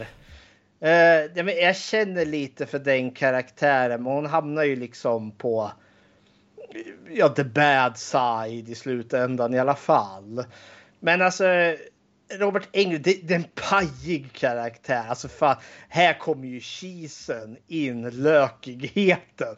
För han, han, han ser ut som att han liksom vore hundra år. Eh, han har liksom ett mjölkigt vitt öga. Han har något sånt här liksom hål i halsen där han har liksom en röstbox och det blir fullt med slem i jämna mellanrum så han måste liksom trycka på den så liksom man hör liksom slemmet rossla loss. Äh! Och han har också så stödskenor på vardera ben så han är stelbent och så går han med kryckor och de har liksom old man makeup och öronen, öronsnibbarna ser ut ungefär som att de håller på att ruttna och falla av honom. Han har gjort en traktomi. Det vill Så säga han, hans luftrör funkar inte här uppe utan det är här uppe nu. Det är fint. Försöka precis under hakan utan de har skurit upp och satt i ett rör. Han ser ju mer död än levande ut. Det är väl kanske så att han skulle ha varit där men tack vare sin eh, kultgäng ja. så har han han lever men han måste ha lite gadgets på sig för att kunna fortsätta. Ja, men det, han blir lite av en Mr. Burns karaktär som i Simpsons. Där, för det har vi också. Vad är det? En gång i månaden måste Mr. Burns genomgå någon behandling för att förlänga sitt liv. eh, det är något sånt Arkivex spin-off avsnitt där de tror honom utomjording i Springfield där. Men det visar ju sig att det är liksom den påtända Mr. Burns som springer i skogen som Mulder och Scully från Arkivex jagar. Men alltså han är ju lite av en, alltså han känns lite som en Mr. Burns karaktär. Men det känns ju också, för det, det, det är ju New Line Cinema som har gjort den här filmen. Det var ju New Line Cinema som gjorde Terrorn på Elm Street-filmerna också. Och här 95, han hade ju avslutat Elm Street-filmerna nu avslutat Freddy där. Så man kände liksom nu, nu skulle vi göra något, alltså Robert Englund, alla känner, alltså han är populär som Freddy Krueger och vi gör något Freddy Krueger-eskt. Han är fortfarande en av höjdpunkterna i den här filmen tänker jag säga för Robert Englund är så härligt vidrig i allt han tar sig för. Men det är också sådär det är som när Stanner fastnar med handen i, i, i, i tvättmangeln. Och de måste hugga av den äh, armen med yxan där. Så står det ju liksom oh, do something, do something. Och då står ju han uppe på catwalken. Ah, I'm doing something, I am dancing. Och så står han och dansar där. Liksom med sina jävla kryckor bara liksom för att visa hur ofantligt lite han bryr sig om något annat än sig själv. uh, kära då. Men uh, jättepajig karaktär. Men ganska underhållande ändå. Det är, det är, typ det som gör hela filmen. Inte att det är en mordisk mangel men utan mm. att just eh, Robert Englund gör den här chefen, kultledaren, mhm. whatever. Mm -hmm. Att han gör honom så bra. Att det, ja. det är därför det blir en... Att man kan titta på den utan att liksom eh, spy efteråt. Vad är det då med Lin Su? Hon som ja, blir hans number one girl. Alltså han, han blir ju betagen utav henne och hon blir ju hans kompanjon, partner in crime här sen. Jag har lite så här. Våldtar han henne verkligen eller utför han någon form av eh, magisk ritual? Så, Nej, alltså. Och gör henne, för han säger när han tar upp henne, gå in och byt om. Säger ja. han ju. Eller gå in och ta av dig. Ja, vill du göra mig sällskap? Säger hon och så börjar han ta av sig. Ja, eller ta alltså, av sig. Han skruvar loss grejer.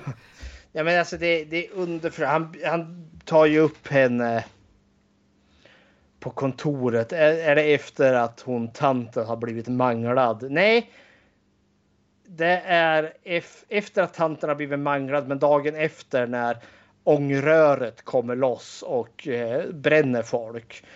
Då, då, kommer ju hon, hon hamnar ju uppe på catwalken tillsammans med honom för att undsluppa den här varma eh, ångan. Och det är då han tar in henne på kontoret. Och jag tolkar det liksom som att Jo, det är ett övergrepp. Det är ett sexuellt övergrepp han utsätter henne för. Men det blir det här liksom att... Om hon, hon, han säger åt henne liksom, eh, att gå in och liksom duscha där i hans badrum där. Och så står ju han och blänger och blänger. Och det är så underförstått liksom hela vägen. Så att han, allt han har pratat innan. Att liksom att mm, han, han, han, han tycker hon är fin. Han eh, åtrår henne. Och det är liksom så underförstått. Han vill att hon ska liksom ge sig till honom för att hon liksom då kommer gynnas utav hans rikedom. Och liksom det, det är gynnsamt att vara nära honom, men hon måste ge sin kropp till honom.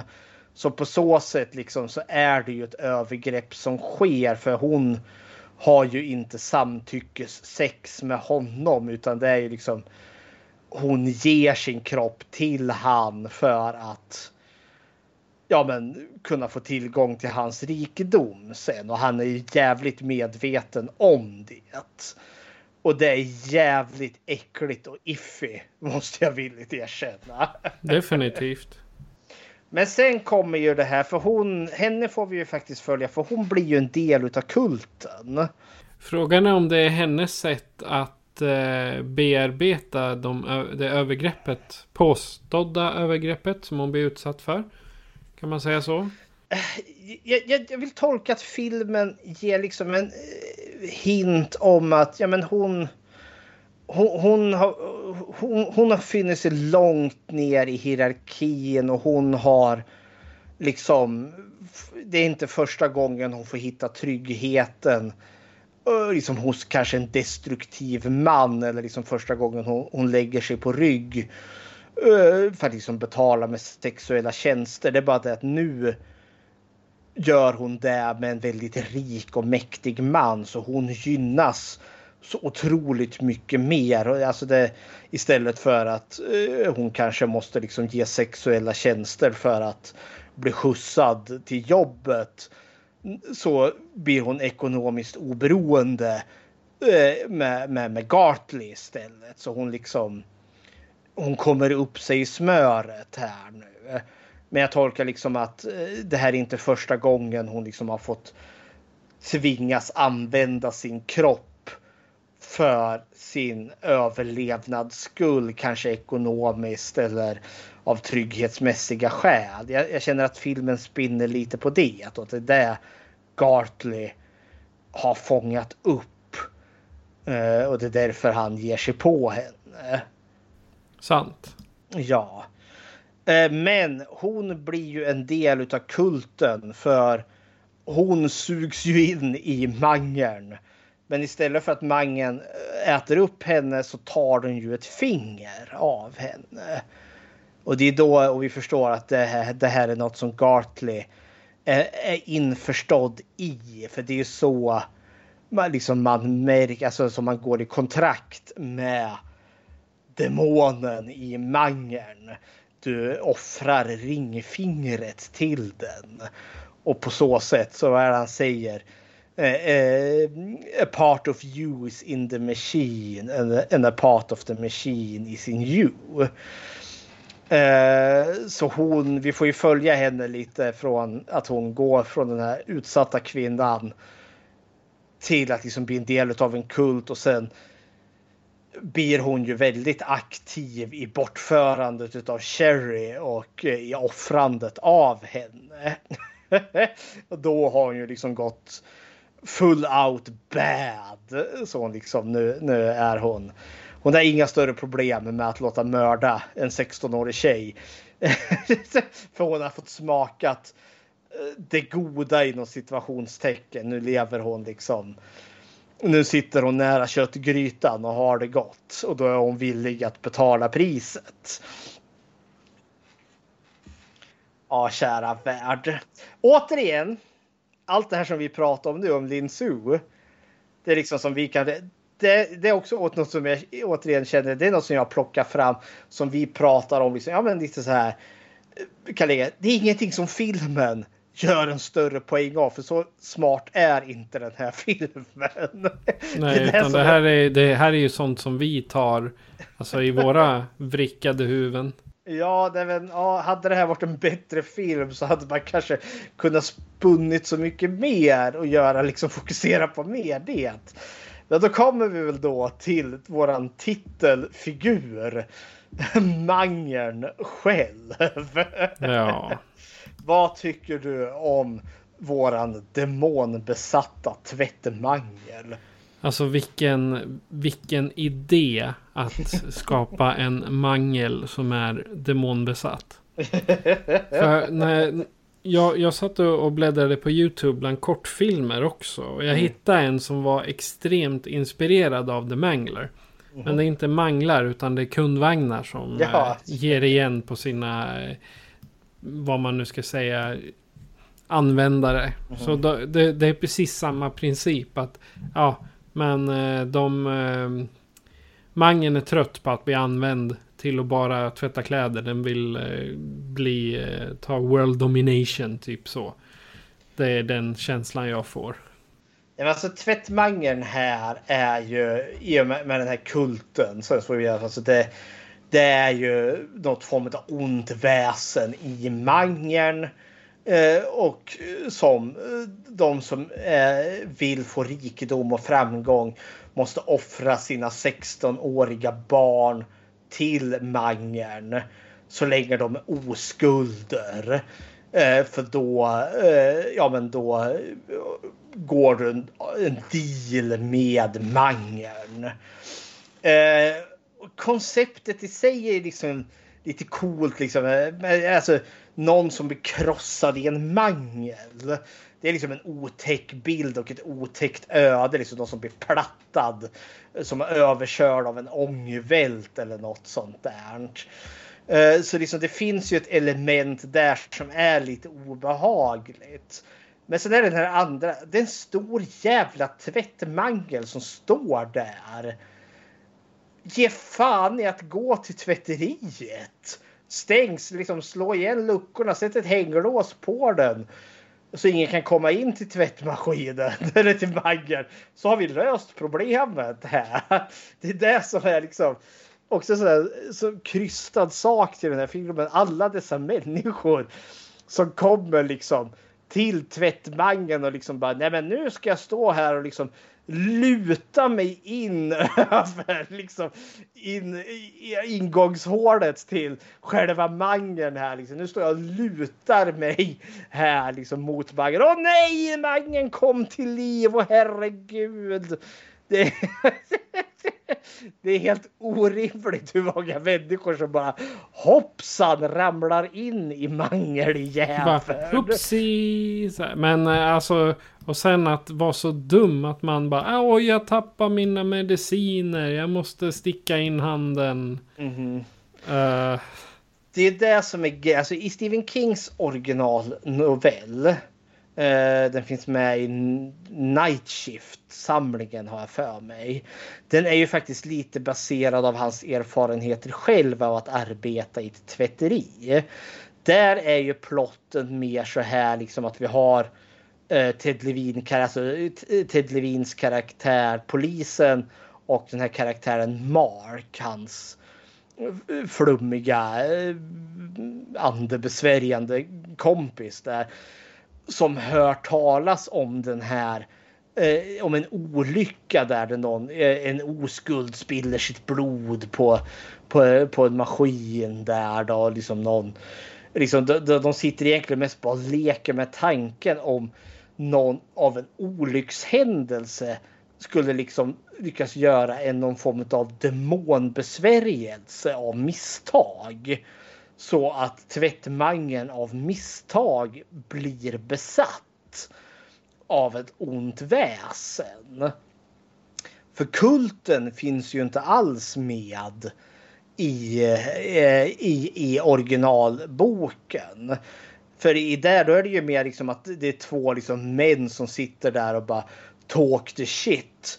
För just att eh, med den här polisen då som berättar om just en kvinna då som har blivit krossad utav tvättmangeln.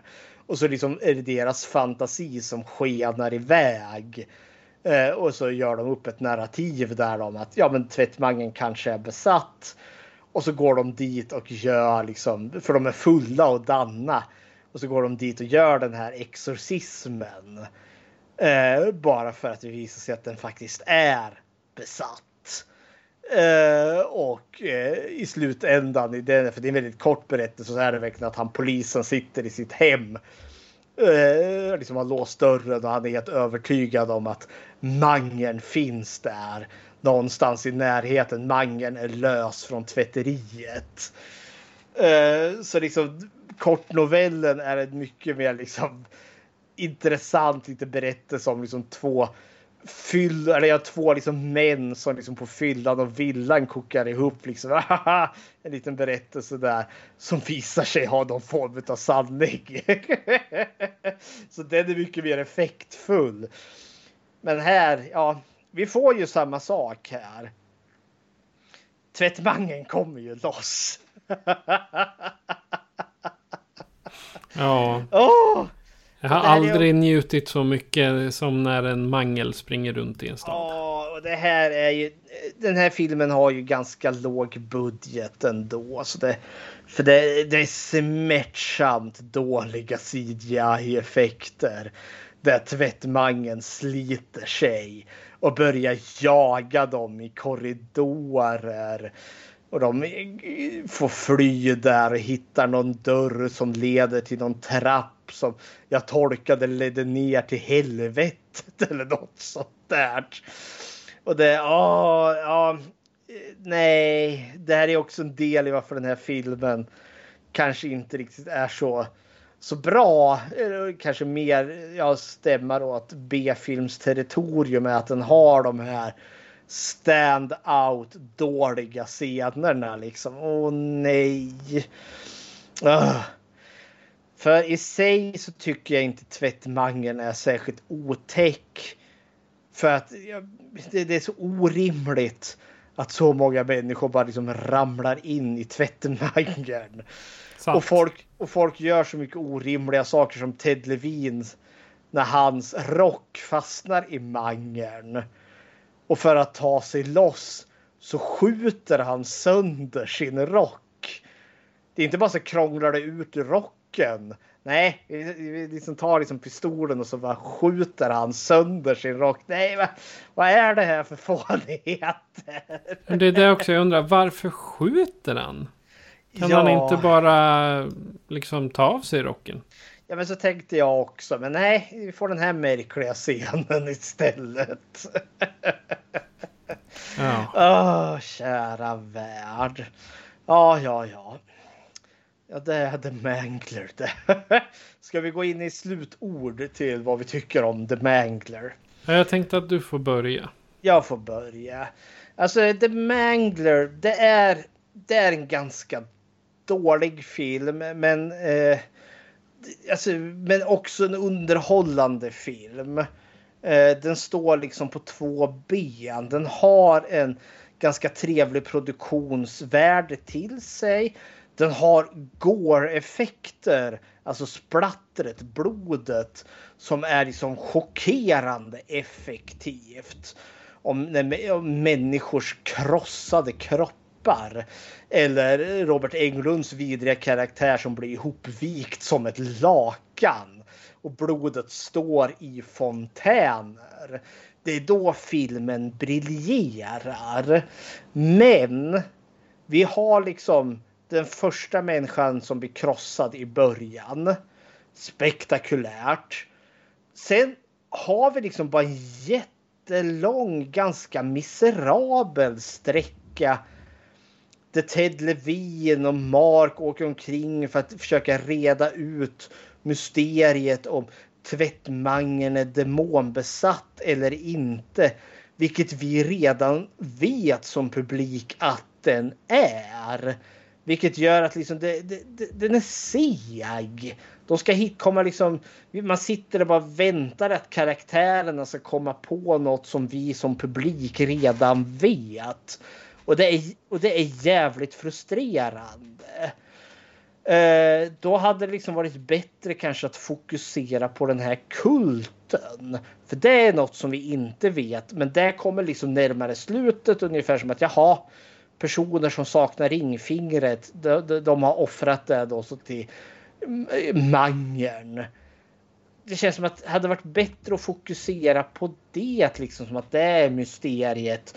Och kanske att vi har den här kulten då som för folk till mangern För då skulle vi få en vettig förklaring till varför folk dör i mangeln istället för att nu springer folk här och liksom nej men är det här tvättmangeln som alla har dött i? Låt mig titta rakt in i gapet på den av någon anledning. Nej, det är för dumt. Den kommer igång igen i slutet när liksom när återigen liksom gore-effekterna kommer igång då Lin Su försvinner in i mangeln då Eh, Robert Englund viks ihop till ett lakan till när tvättmangeln sliter sig och börjar rusa omkring. För då blir det fart i filmen igen. Och det är ganska cheesy och det är ganska dumt. Men det är underhållande. Men, ty men tyvärr så har vi liksom ett parti, alltså mittenpartiet, som bara är ett jäkla slogg. Och jag känner att den här filmen hade gjort sig kanske som ett Tales from the Crypt äventyr på en halvtimme. Men den här filmen är en timme och 45 minuter. Den är på tok alldeles för lång. Definitivt. Och det är mitt problem med den. Men det är fortfarande inte liksom en helt... Eh, alltså det är inte så att den inte har alltså underhållande element till sig. Men fokuset är fel, tempot är fel och den är ganska miserabel. Men stundom briljerar den. Så jag skulle nog av ett betyg 1 till 5 skulle den här ändå så få kanske 2 av 5. Inte det värsta jag har sett, inte på långa vägar. Men heller inte det bästa heller, ganska långt ifrån. Så det blir liksom, det här är en axelryckning i stort sett. Vad är dina sluttankar till The Mangler? The Mangler var liksom eh, typ bara... Uh, nej, äh, men vad, vad, vad fasen ska man säga? Det, jag, jag tycker om dåliga filmer. Mm. Eller vad, vad man ska kalla det. Uh, inte dåliga, men uh, knasiga filmer. Och den här tycker jag går under knasiga.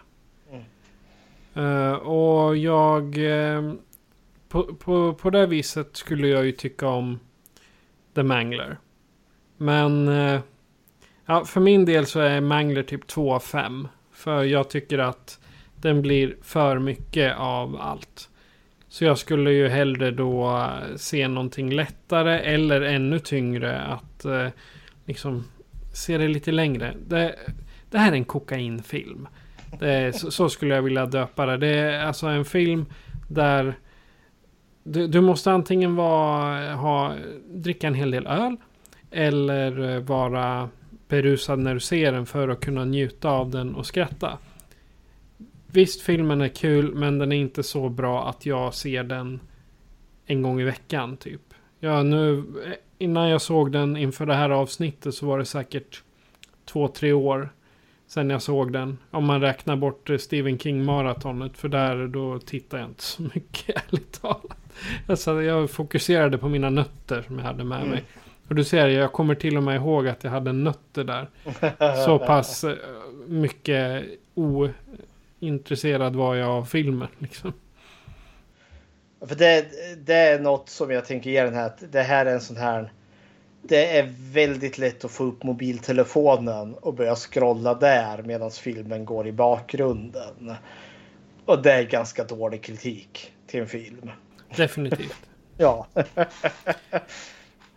Nåväl, till den här har du gjort något Bechteltest? Det har jag faktiskt. Och det är ju om kvinnlig representation i film. Och vi för ju tesen att skräckfilmer är den som faktiskt har bäst eh, när det kommer till kvinnlig representation. Eh, och Bechteltestet, frågorna är ju tre. Fråga nummer ett. Eh, finns det ett eller eh, en eller finns det två eller flera eh, kvinnliga namngivna karaktärer? Och det gör det. Vi har Mrs Friendly, vi har Cherry, vi har Lin Su. Så eh, den klarar den.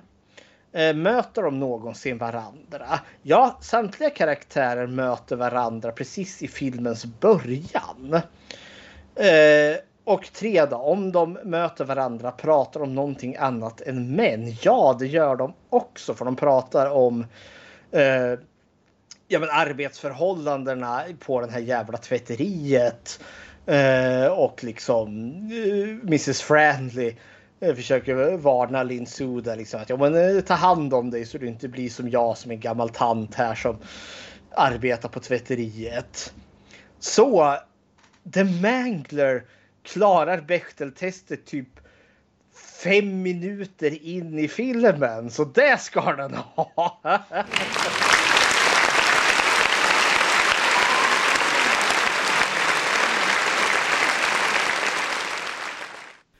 Då så, men om du som eh, lyssnare då känner att du vill eh, hylla The Mangler eller inte tycker att den är alls bra eller vill berätta om en annan film som du tycker är bättre kan du göra så här för att kontakta oss. Skräckfilmscirkeln presenteras av Patrik Norén och Fredrik Rosengren. Produktion FPN Productions. Besök skräckfilmscirkeln.com för att hitta var du kan lyssna på oss, hur du kan stödja oss och hur du kan kontakta oss. Vill du diskutera filmerna i avsnitten är du välkommen att gå med i gruppen Skräckfilmscirkeln Eftersnack på Facebook. Tack för att du lyssnar.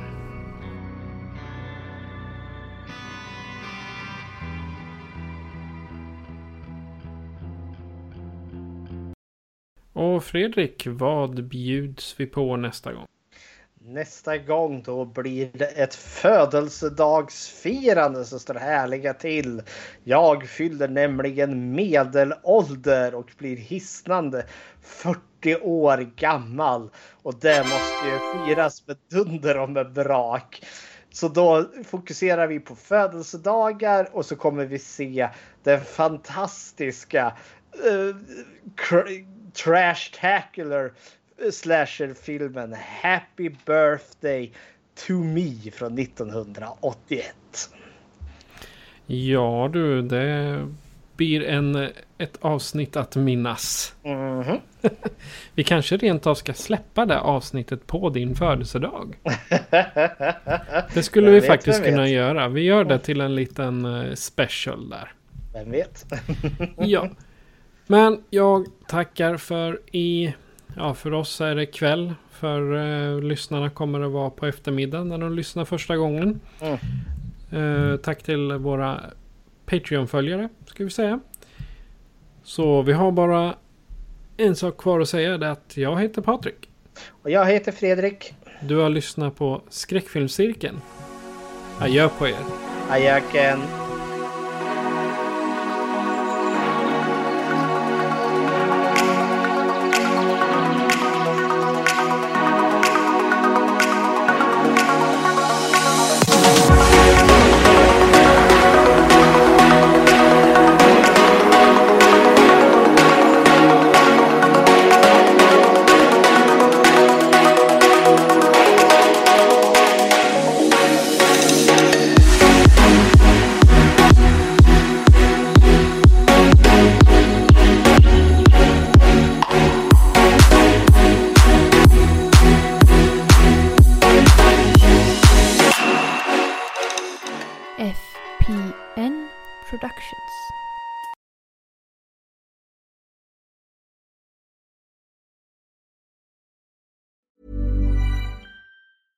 Ever catch yourself eating the same flavorless dinner three days in a row? Dreaming of something better? Well, HelloFresh is your guilt-free dream come true, baby. It's me, Kiki Palmer. Let's wake up those taste buds with hot, juicy pecan-crusted chicken or garlic butter shrimp scampi. Mm. Hello Fresh. Stop dreaming of all the delicious possibilities and dig in at HelloFresh.com. Let's get this dinner party started.